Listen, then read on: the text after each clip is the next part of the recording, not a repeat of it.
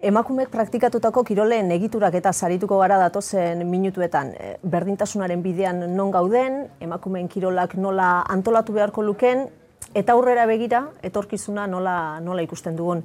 Eta gai hauen inguruko analizia edo osnarketa egiteko, ba, erakunde ezberdinetan lan egiten duten bi emakumezko gonbidatu ditugu gurera alde batetik. Garbine Etxeberria, realeko emakumezkoen kirol zuzendaria, Garbine Kaixo ongi etorri. esker, gonbidapenangatik eta Ainoa Etxabe, Gipuzkoako Herri Kirol Federazioko presidentea, ongi etorri zuri ere Ainoa. Herrik asko, berde. Azteko galdera potolo bat, orokor bat, zuek eskarmentu daukazue garbine, zu bizitza guztia futbolari lotuta, emakumezkoen futbolari lotuta, jokalari bezala, entrenatzaile bezala, orain kirol zuzendari bezala, zuk ikusi duzu, evoluzioa, emakumezkoen futbolarena, berdintasunaren bidean non gaude? Bai, esan dezun bezala maitane aspaldikoa naiz. Ba, berrogei urte. hori esan nahi, eh? Eskarmentu daukazula esan nahi nuen. Bai, baina, bueno, berrogei esan nahi nuena zan, berrogei urtetan gauza asko ikusi dutela, zerotik, enurre, ez, betik hasita nun gauden. E, pauso asko man ditugu, e, asko aurreratu da, e, nik uste mantxo gerala, baino e, momentu honean gaudela, eta iruitze zait e, gauzak e, ondo egiten direnean, ba, emaitzak ikusten direla, eta iruitze zait e, momentu honetan gure kirolean behintzat e, ondo gaudela futbola, indarra daukan kirola, hori ere azpimarratu behar da, ez da, akaso errezagoa da, hor, e, bai. pausok ematea? Bai, bueno, futbolak e, denok ez dakigu indarra duen, eta izan e, mutile referente, neska referente, orduan da gehiago ditugula, ba, ez gaude jatzeko, e, asko mugitzen du futbolak, e, dena futbolaren e, baitan e, egiten da, e, bai familiko bizitza, bai gizarteko bizitza, eta eta hortan, ba, nabaritzen dugu emakumeok ere, ba, bueno, orduan da ezagunagoa gerala. Ainoa, zu Gipuzkoako Herri Kirol Federaziora iritsi berriaz, urte bete pasatxo, dara mazu karguan, baina zu plazak eh, aspalditik eh, ezagutzen bai. dituzu, mundua zuretzat eh, oso, oso ezaguna da. Mm Kanpoti begiratuta guk herri kiroletan bai ikusten dugu aldaketa eh, emakumeen presentzia gero eta nabariagoa da. Bide horretan, aipatzen dugun berdintasunaren bide horretan, non, non dago herri kirolen mundua? Bueno, nik uste oraindik falta dela, ez? Berdintasunera iristeko oraindik falta zaigu, baina nik uste pausoak ematen ari direla eta eta eman diren pauso txiki horiek orain bere frutua edo azalderatzen ari direla. Eta bueno, eta nik uste azalduko direla gehiago. Nik uste zaien egin degula, zaiena izan dela emakumeak lehenengo aldiz errekiroletan plazan ikustea. Garai batean, orain dela, suposatzen duzu plaza asko ikusi ditu eta orain dela goita urte, ba, ba, saralegi aizpak eta eta itziargoena gabera aizkoran da ikusten genituen, baino ziren oso bakarrak. E, eta hor gelditu ziren, harri jasotzen asko ere beranduago hasi ziren, miren urkiola hasi zenean. Eta gaur egun, ba, plaza askotan ikusten ditugu neskak. Eta geroz eta gehiago. Eta nik uste, bueno, ba, e, gaur egun esango nizuke, erakustaldi gehienetan emakumeren bat plazan ikusten dugula. Eta hori oso, oso posgarria da niretzat. Ikusgarritasuna irabazi du emakumeak e, herri kiroletan zergaitik nola lortu da hori ze prozesu ze bide eraman da? Hor bide asko jorratu dira. Alde batetik e, emakumearen itxura aldatzea. Ze garbineri esaten nionanik bi alaba ditut eta senarra eta senarra naita harri jasotzaileak izan da beti entzun du, entzuten nuenik, ez? Jaio berriak zirenean. Oa, ez daukagu jarraipenik harri jasotzen eta horrek niri izugarrizko amorro ematen zian neska izateagatik zergatik ja bide hori itxi behar zitzaien, beraiek nahi bali mazuten behintzat. Eta nik horren kontra burruka egin dut, hori egia da. E, batek ez du lan handirik egiten, baina bueno, e, ni bestela beste asko. Ama asko, e, emazte asko, burruka hori aurrera eraman dute. Eta nik uste emakumeak atera ditugula pixkanaka pixkanaka plazetara, eta bueno, ba, horrek egiten badunik zergatik ez horma bat, e, bota da bai. hor da, horma bat. Garmine, zuk e, hobekuntza azken urte hauetan zertan e, nabaritu duzu? Berdintasuna lortzeko bide horretan, zein izan dira e, aurrera pausori garrantzitsuenak? Bueno, nik uste dela e, aukerak izatea, ez? Aukera, aukera berdinak, eskaintza berdinak izatea, aukera baino, ez? E, gaur egunean, e, futbola, kirol eskaintza bada, e, eskole kiroletan, osea, eskolako kirol moduan, ez? Garaitan, eta orduan, nahi iruditzen zait, e, naturalidade batez bizit direnean kirolak, ba, hortxe ateratzen dela e, jende gehiago, jokalari gehiago. Garrantzia handia du gu bisibilitate horretan ba, beti e, biztan eukitzea, Azten den neska horrek nun begiratu auki behar du, eta iruditzen zait erreferenteak izatea oso oso garrantzitsua dela. Gure garaitan ba, mutilak ziran referente, hortan oinarritu gera, edo oinarritu ginen, baina gaur egunean neska txiki ba futbolean hasten danean ba ze izan nahi du, ba nera izagirre bat izan nahi du edo amaiur bat izan nahi du eta leno ba naikarik emantzigun guzti horrekin ba naikari izan nahi zuten, ez? Oaino bai, eh, baino kanpoan degunez gehiago etxekoak dituzte nere ustez erreferente. Bisibilitatea. ikusgarritasun hori ba gertu ukitzea.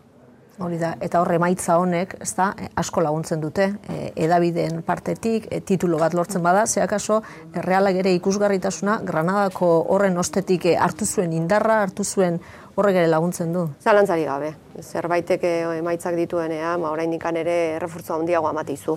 Eta erreginaren kopa irabazteak oraindik e, gehiago du egin zuen, ba, futbolarea, futbolera inguratzeko e, gogo hori, ez da?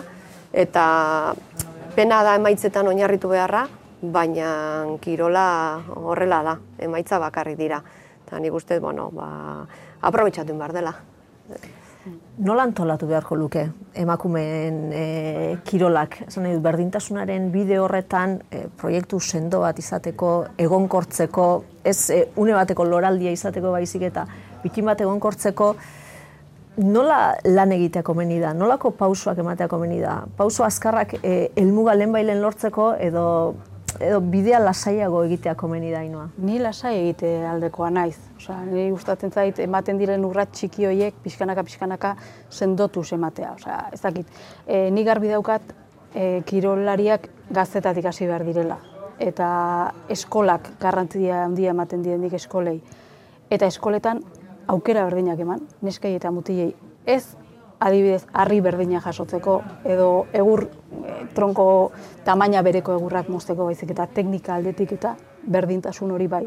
Gero badakigu e, gure gorputza mutilena eta neskena ez dela berdina, lesio aldetik ez ditugu lesio berdinak izaten, emakumearen gorputzaren egitura desberdina delako e, prestaketak oso antzekoak dira. Eta azkenean, bai, aukera horiek eman e, teknika ikaste aldera eta gero bakoitza bere mailan. Bai, nik uste lehenengo kirolariak e, gerturatu behar direla eta gero ja hasiko gara txapelketak eta nola antolatu behar diren. Mhm. Gizonezkoen eredu erreferentzia moduan hartzea garbine okerra da, e, komeni da, emakumeen kirolak bere, bere eredua, bere bidea egitea? Bai, bai, ze gu, gure futbola egiten dugu. Futbola denontzako berdina da, baina emakumeak egiten du bere bere berak posible duen e, futbol hori, ezta? Bere zagarriekin. Eta iruditzen zait, e, oinarria dagoela e, denbora patxara zartzea, denborarekin lan egitea, eta hortarako e, ondo jarri bar dira, oinarrizko futbolean ondo jarri bar dira e, oinarriak, ez? Eta zertan de, oinarritzen naiz ni hori esateko, ba, batez ere egiturak, e, lehiaketen egiturak ondo antolatu behar ditugu, taldeetan e, internatzaile, formatzaile, zitzaile onak behar dira, eta gaur egunean hor daukagu gabezia. Emakumearen futbolak oraindik ez du erakartzen, ez, internatzaile baten aurrean. Orduan hor daukagu ba, hobetzeko handikan ere pausua handi bat. Eta hortikan demorarekin, ze pausoak eman behar dira, ze gora iristeko lehen da bizi bat egin behar da, hori ere ondo esan behar zaio jokalariari neskari, ibilbide bat egin behar dela. Ez dala orain hau nahi dut eta horreaino iritsi nahi dut azkar-azkar ez bali dago oinarririk ez du horrek asko irango. Eta iruditzen zain momentu hontan e, internatzaile e, toki horretan edo rol horretan daukagula gabezia. Emakumezko entrenatzaile asko, ari gara ikusten orain emakumezkoen futbolean. Askotan badirudi emakumeen kirolak emakumeari lotuta egon behar duela. E, eta hori aldatzeko, ze, zein da bidea, zer egin beharko litzateke? E, pena mateit ondo dago, eh? zein entrenatzaile ditugu lehenengo mailan, baina notizi izatea ez notizizatea, ez, ez, emakume daude, eta zenbeti numeroari begira, zenbakiari begira. Ba, ba, seguraski, ba, iriki dizkibutenean atea, ateak, ez, beti ate jokagoaz, gu gure kirolean, beti atea joka, atea joka, atea botatzen, eta hortxe gaudela. E, eta iruditzen zait, ba, ba, hori, bueno, naturaltasunez, a ber, ea noiz e, iristen zaigun, eta eta begiradak ere normaltasunez, e, normaltasunekoak direnez, emakumeari gehiago esigitze zaio gauza guztitan. Zukate pila bat bota dituzu, hainoa, hortan ari zara. Hortan ari nahi. bai. Baina emakumeak ere badatoz, ate joka, herrikirolen mundura, ez da? Asko. Zuek, eh, herri- eh, harri eskola bat ere jarri duzue, eta ari zarete, eh, erantzun. Bai, bueno, guk erronka nesken aldeko erronka egin genuen orain dela bos bat urte hola, kanpaina txiki bat e, egin genuen, eta lortu genuen bi emakume gerturatzea, gero bi hoietatik batek bakarrik jarraitu du, baina bueno, gero batzetik etorri dira beste batzuk, eta, eta bueno, gure bidea pixka bat ikusita, ba, beste eskola batzuk ere, ba, aukera hori egin zuten, nesken aukera hori egin zuten, eta gaur egun, ba, nik esango dizut, e, uste baino emakume gehiago dagoela harri jasotzen adibidez. Bai. Bai, eta, eta hori posgarria da, noski baietz. E, gu, e, Garbinek esan duna, beraiek sei entrenatzaile dituztela emakumezkoak, herri kiroletan nik ez dut ezagutzen emakumezko herri entrenatzailerik, oraindik, baino iritsiko dira. iritsiko dira, hori da, bidea egin behar delako. Lehen aipatu duzu berdintasunaren bidean urratsak ematen ari direla, ondo goazela, lan hitzarmena lortu da futbolean. Emakumeak berak ere gero eta exigentzia handiagoa jartzen du, e, berdintasuna lortzeko bide horretan beraien eredua gizonezkoen futbola da, e, Bai, nik uste horrek eh, kalte egiten digula, eh? baina guk aurretik esan dizut, uste gure ibilbidean behar degula, gure tokia aurkitu behar degula, gure e, pausoak eman behar ditugu, gure rekursoekin eta gu geran bezala. Baina, nola, mutilen munduak dena jaten duen, e, futbola, mutilen futbolak e, dena, dena ez, e, ikusgarriena hori dan, ba, eredu e, txarrak e, hartzeaz, e, bueno, horreko eskatzen nau, ez, eredu txarroiek e, hartzeaz. Eta nik uste e, importantena dela gure jokalariek e, bueno, ba, ba, pausa poliki ematea eta iritsiko dira ba, hobekuntzak. hobekuntzak. garrantzitsua izaten da kirola bera ere ikusgarri egitea zalentzat, ezta? Erakargarria egitea. Ez da, herri kiroletan hori errazagoa den, beti ere plazetako erakustaldiak, bueno, eh, emakumeak azaltzen dira, gizonezko eh, babestuta, esan nahi dut, eh, gizona ikustera joaten dena plazara, emakumea ere ikusi egingo du. Eta hori ez da egite, abantaila modura ikusten duzuen hainoa.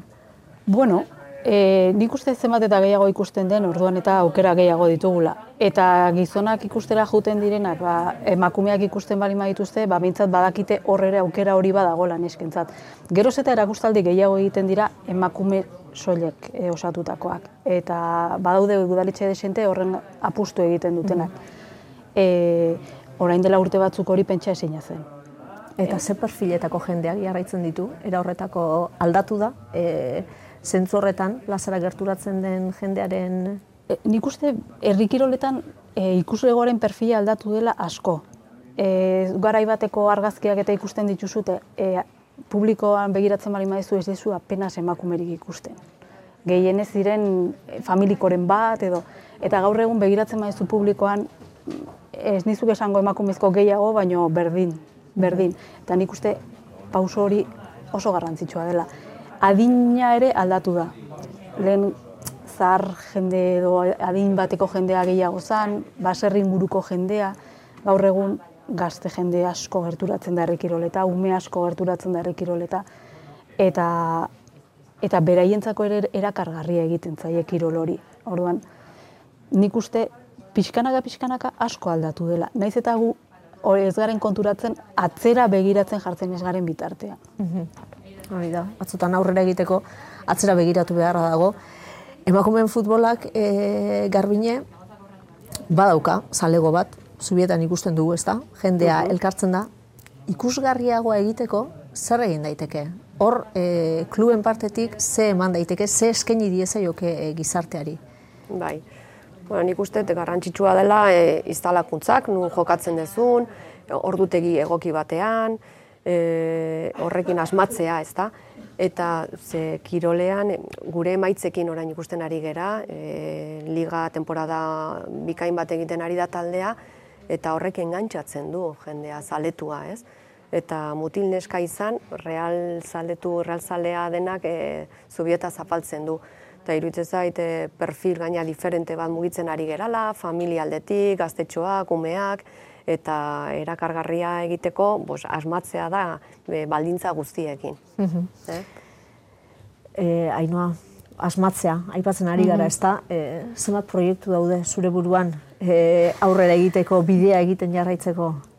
Proiektuak asko, batutan esaten dut, ez dakit e, realistegiak diren askotan, ez? Baino, baino bueno, e, nik ez diot mugari jartzen. Nik e, momentuan ikusten ditudan pausotxoak egiten saiatzen naiz, e, aurrera eramaten, gero inguruan daukadan ekipoak ere asko babesten horrekin, eta, bueno, nik etxean daukat erronka ere bai, ez? Emakumea kirolean daukat etxean, e, niretzat eskolakoak ere etxekoak dira denak, eta nik garbi daukat beraien alde burruka egingo dudala, eta beraiek plazetara ateratzeko burruka egingo dudala.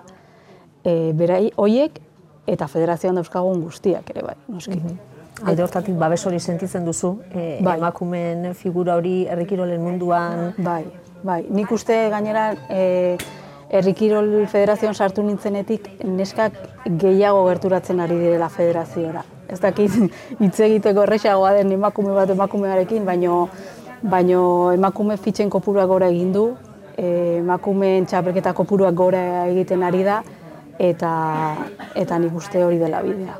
E, aukerak eman, emakumei, egia da mm, aldatu ditugula zenbait gauza. E, arri jasotze txapelketetan, ba, arrien pixuak jetxe egin ditugu. Ze ikusten genuen kirolariak bat zeudela, baino ez zegoela aukerarik lehiatzeko. Ze, zeuden arrien pixuak oso handiak ziren. Orduan, ez nuen zentzurik ikusten, eta nire ingurukoek berdin, ez genion zentzurik ikusten kirolariak edukita lehiatzeko aukerarik ez izatea. Eta bueno, e, arri moldatu, harriak moldatuta, ba, txapelketa ez jokatzetik, ba, zazpi kirolari apuntatzera izan zen pausoa, eta nik uste hori pauso oso potoloa dela. Eskaintzen garrantzia garbine? Gauza garrantzitsu bat esan duta familia.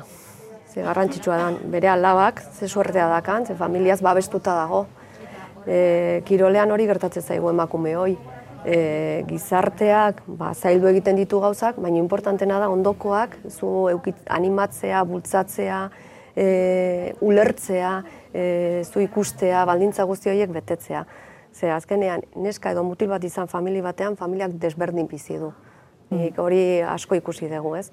Mutila jokatzen duenean familia osoa mutila ikustera doa, mm. eta neska jokatzen zuenean, ai, ba, aitak ezin zuen, ama erosketak itea, eta alaba, ba, ba ikusteko jenderik ez. Eta hori errealidadea izan da. Aldatzen ari gera, baina familiaren babesak garrantzia handia. Eskola kirolean ere gertatzen zen hori garai batean. Nere garaian, e, nik ez dakit nire gurasoak inoiz joan ziren nire partidu bat ikustera eskola kirolean. Eta aldiz nire ingurukoak gehienak mutilak ziren, eta eta guraso asko eta asko juten ziren. Bai. Bueno, ba, gu ibiltzen ginela zerbait, baino bai, begira da hori, ez da, mutilen zegoen begira da hori, bai, neskaren gan, ba, bueno, hori lortu behar dugu. Mm. Nik uste, hortan nijoa ez baldintzak, aukerak, e, pixka bat e, dena normaltasunez bizitzea. Eta hori daukagunean, mm. jo, ba, pausuak ematen eta gehitzen eta dena lortuko da. Lortuko Baize, begira sartazari garen, eh? berdintasuna non topatu eta amaitu dugu, eh, muinean, ez da, bai. sustraian etxeko babes horren bai. falta emakume izateagatik.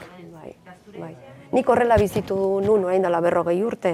E, neri familiak, e, bueno, etzian trabari jarri, egiten nuena aurrera, e, mugitzen itzen tokietan ateak irekita, eta esan jo, ondoan begiratzen nuen, eta nik inguruan ez nuen olako hainbeste jende ikusten. Eta gaur egun hemen baldimanago, nire inguruari zor diot, familiari. bai, bai hori landu daiteke beste modu batera, esan nahi dut hor klubek, erakundeek, badaukate zereginik? Hezkuntza. Hezkuntza. Hezkuntza, hori da. Hezkuntza da.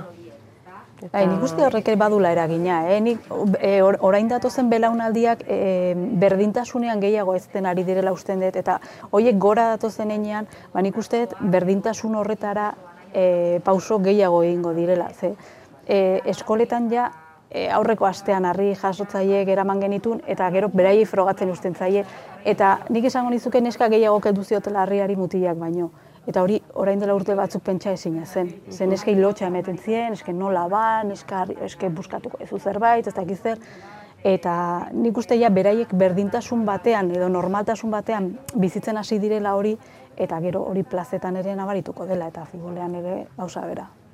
Bai, nik e, gelan badut, baduzkat neskak rugbyan ere ibiltzen direnak. Mhm. eta eta oso ondo, eta inori etzaio arraro egiten neska hori rugbian ibiltzea. Orain dela urte batzuk esango zuten, bof, hau nora joa, ez, ze, ze marimatxo, edo olakoak zenbat aldiz entzun ditugu. Zenbat etiketa. Bai, bai. Eta, bueno, nik uste gaur egun hori pixkanaka, pixkanaka badoala, badoala. Hezkuntzan dago garrantzia handia eta helduok dauzkagun mezuetan, ez? Ni goatzen naiz e, e, hezkuntzan ikastolan nengoenean, ez da, irakasle batek gaztelenetan, eta zein dezue, atzo zer egin zen duten. Eta ume batek esatea, ah, reala ikustea jun nitzan atzo, eta naturaltasunez edo ulertzea, ah, mutilak ikustea jun zela, ez da. Bueno, ja, elkarrizketak aldatu egin behar dira. Ja, hortan umei ere, ze juntzin jan ikus, ah, reala, ze, neskak ala mutilak. Orduan ja, Claro. ba, bueno, ba, ba, ja, ari zera, pixka bat, e, dena normal, Normal, bizitzen. ja. Baina, helduon begira da, helduon mezua, helduon eh, hezkuntza hor, garrantzia handia dugu.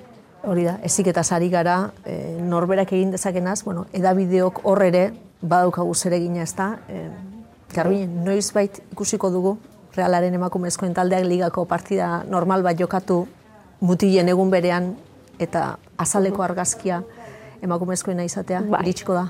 Bai, bai, korra naiz, bai.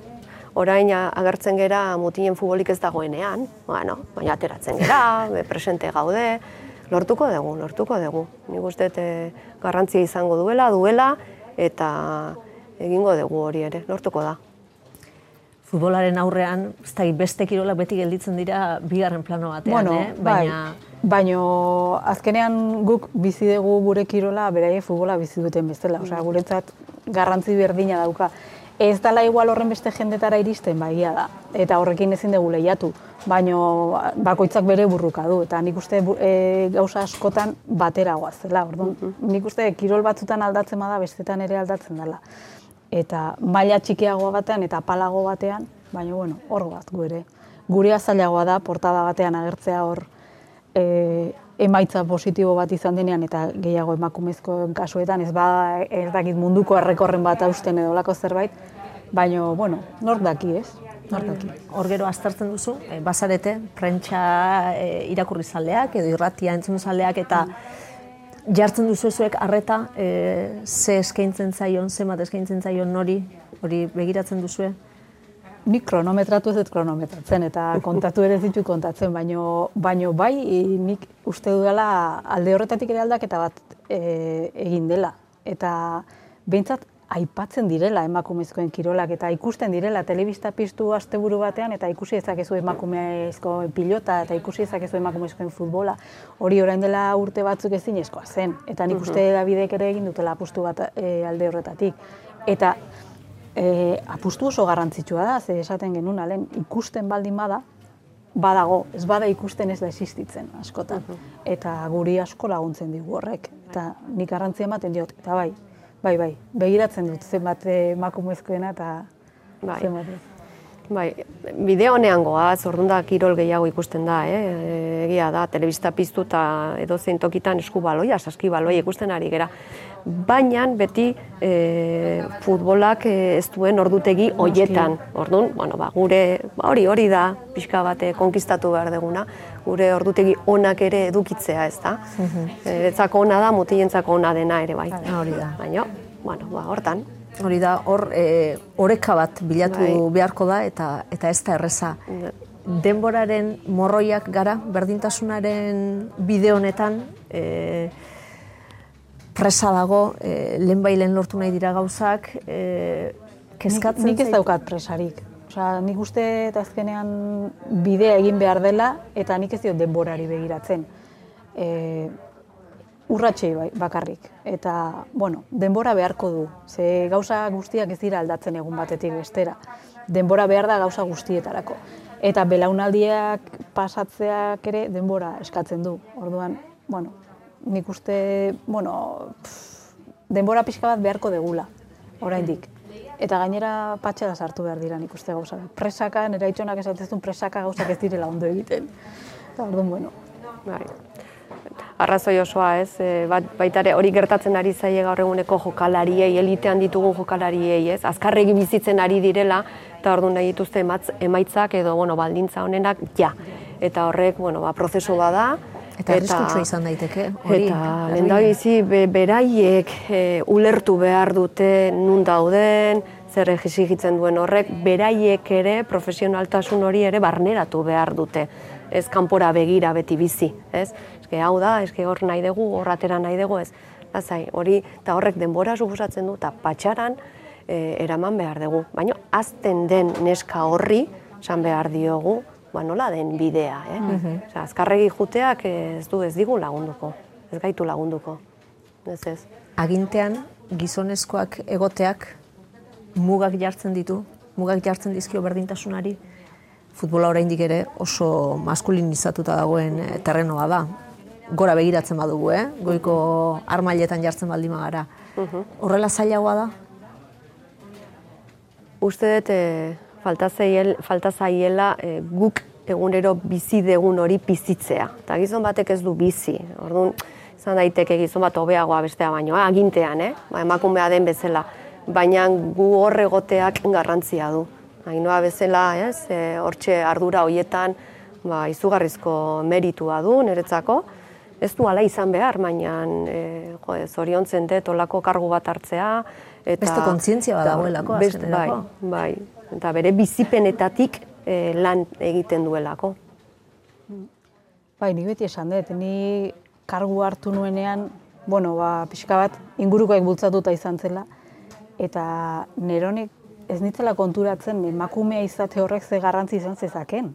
Osea, niretzako zen herri kirola nik bizi nuen zerbait, eta egia da gizonez inguratuta ego- egoten naizela ia beti, baino ni ez nahi sentitu inoiz arraro beraien artean. Osea, naiz, nitzen beste bat, eta bapatean presidente kargu hori hartu nuenean, jazten emakumea, emakumea, emakumea, eta horra nintzen ni pixkat arraro sentitzen bait. Eta, bueno, beste ikuspegi bat, ba, segurasko bai, segurasko bai.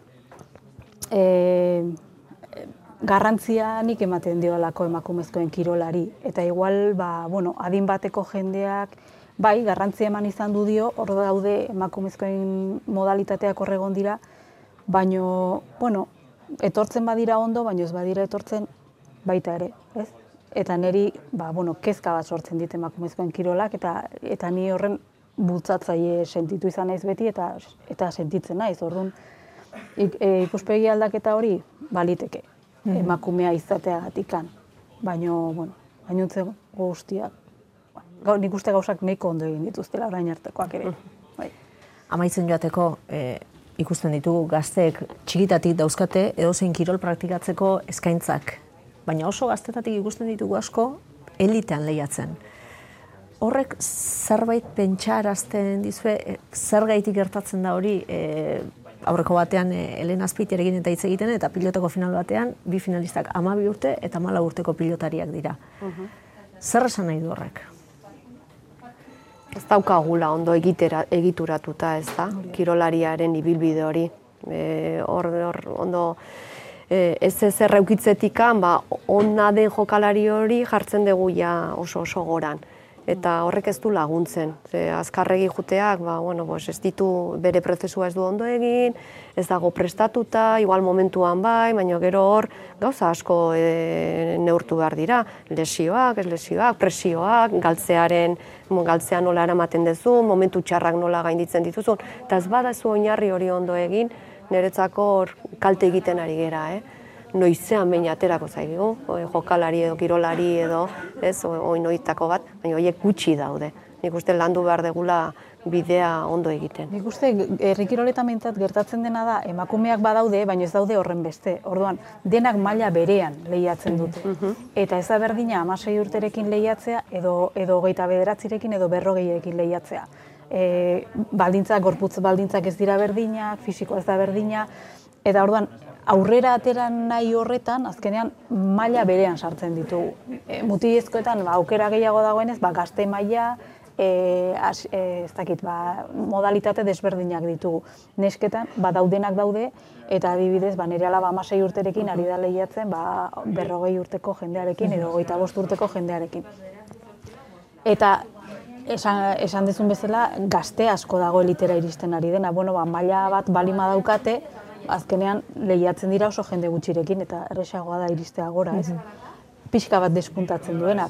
E, ez dakit hori ona den, e, garbinek esan duen bezala, nik uste bakoitzak bere ibilbidea eraman beharko lukela, eta, eta bere bidea poliki-poliki egiten. Bai. Hor ere denbora izango Denbora. da gakoa. Bai. Ez, askotan atera den atera den hitza. Ez da besterik e, gehitu nahi duzuen e, egin dugun ausnarketa honi berdintasunaren bidean garbine, e, bueno, zuk esan duzu urratsak ematen goaz, ondo goaz, zein izan beharko litzateke urrengoa, koska bat gora egiteko futbolean esaterako zure zure terrenoan. Bueno, baikorra naiz, eh, gauza guztitan, ze badirudi beti, e, beti gauza negatiboak ateratzen ditugula gure kirolean, futbolean, eta uste gauza asko on eginda daudela, hor daude datu guztiak, zenbat fitxa eta lizentzia mugitzen ditugun Gipuzkoan mailan, ze kategori dauden, realan undagon, eta lanean jarraitzea. Ze hori da guk e, beti egin deguna eta mm, erreistu ez digu inorrek ezer erreistuko. Orduan guk gurean jarraitzea eta bueno, oso gustura egingo dugun gauza bada, lanean jarraitu. Zure urrengo erronka, berdintasunaren bidean, hainoa. e, neska gehiago plazetara ateratzea.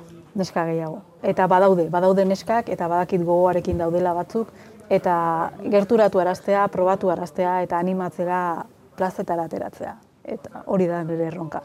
Aurten txapelketeko purua bikoiztu balima dugu urren urterako albalima da gehiago izatea. Bueno, pa, eman daitezela, eh? Espero ditugun urrats eh, guzti hauek, eta behon deizuela, eh? Zuen alorrean bakoitzak egiten duzuen lanagatik. Hainoa etxabe eta garbin etxe berria. Mila, mila esker, gurekin izateak. Zue, Eskerrik asko.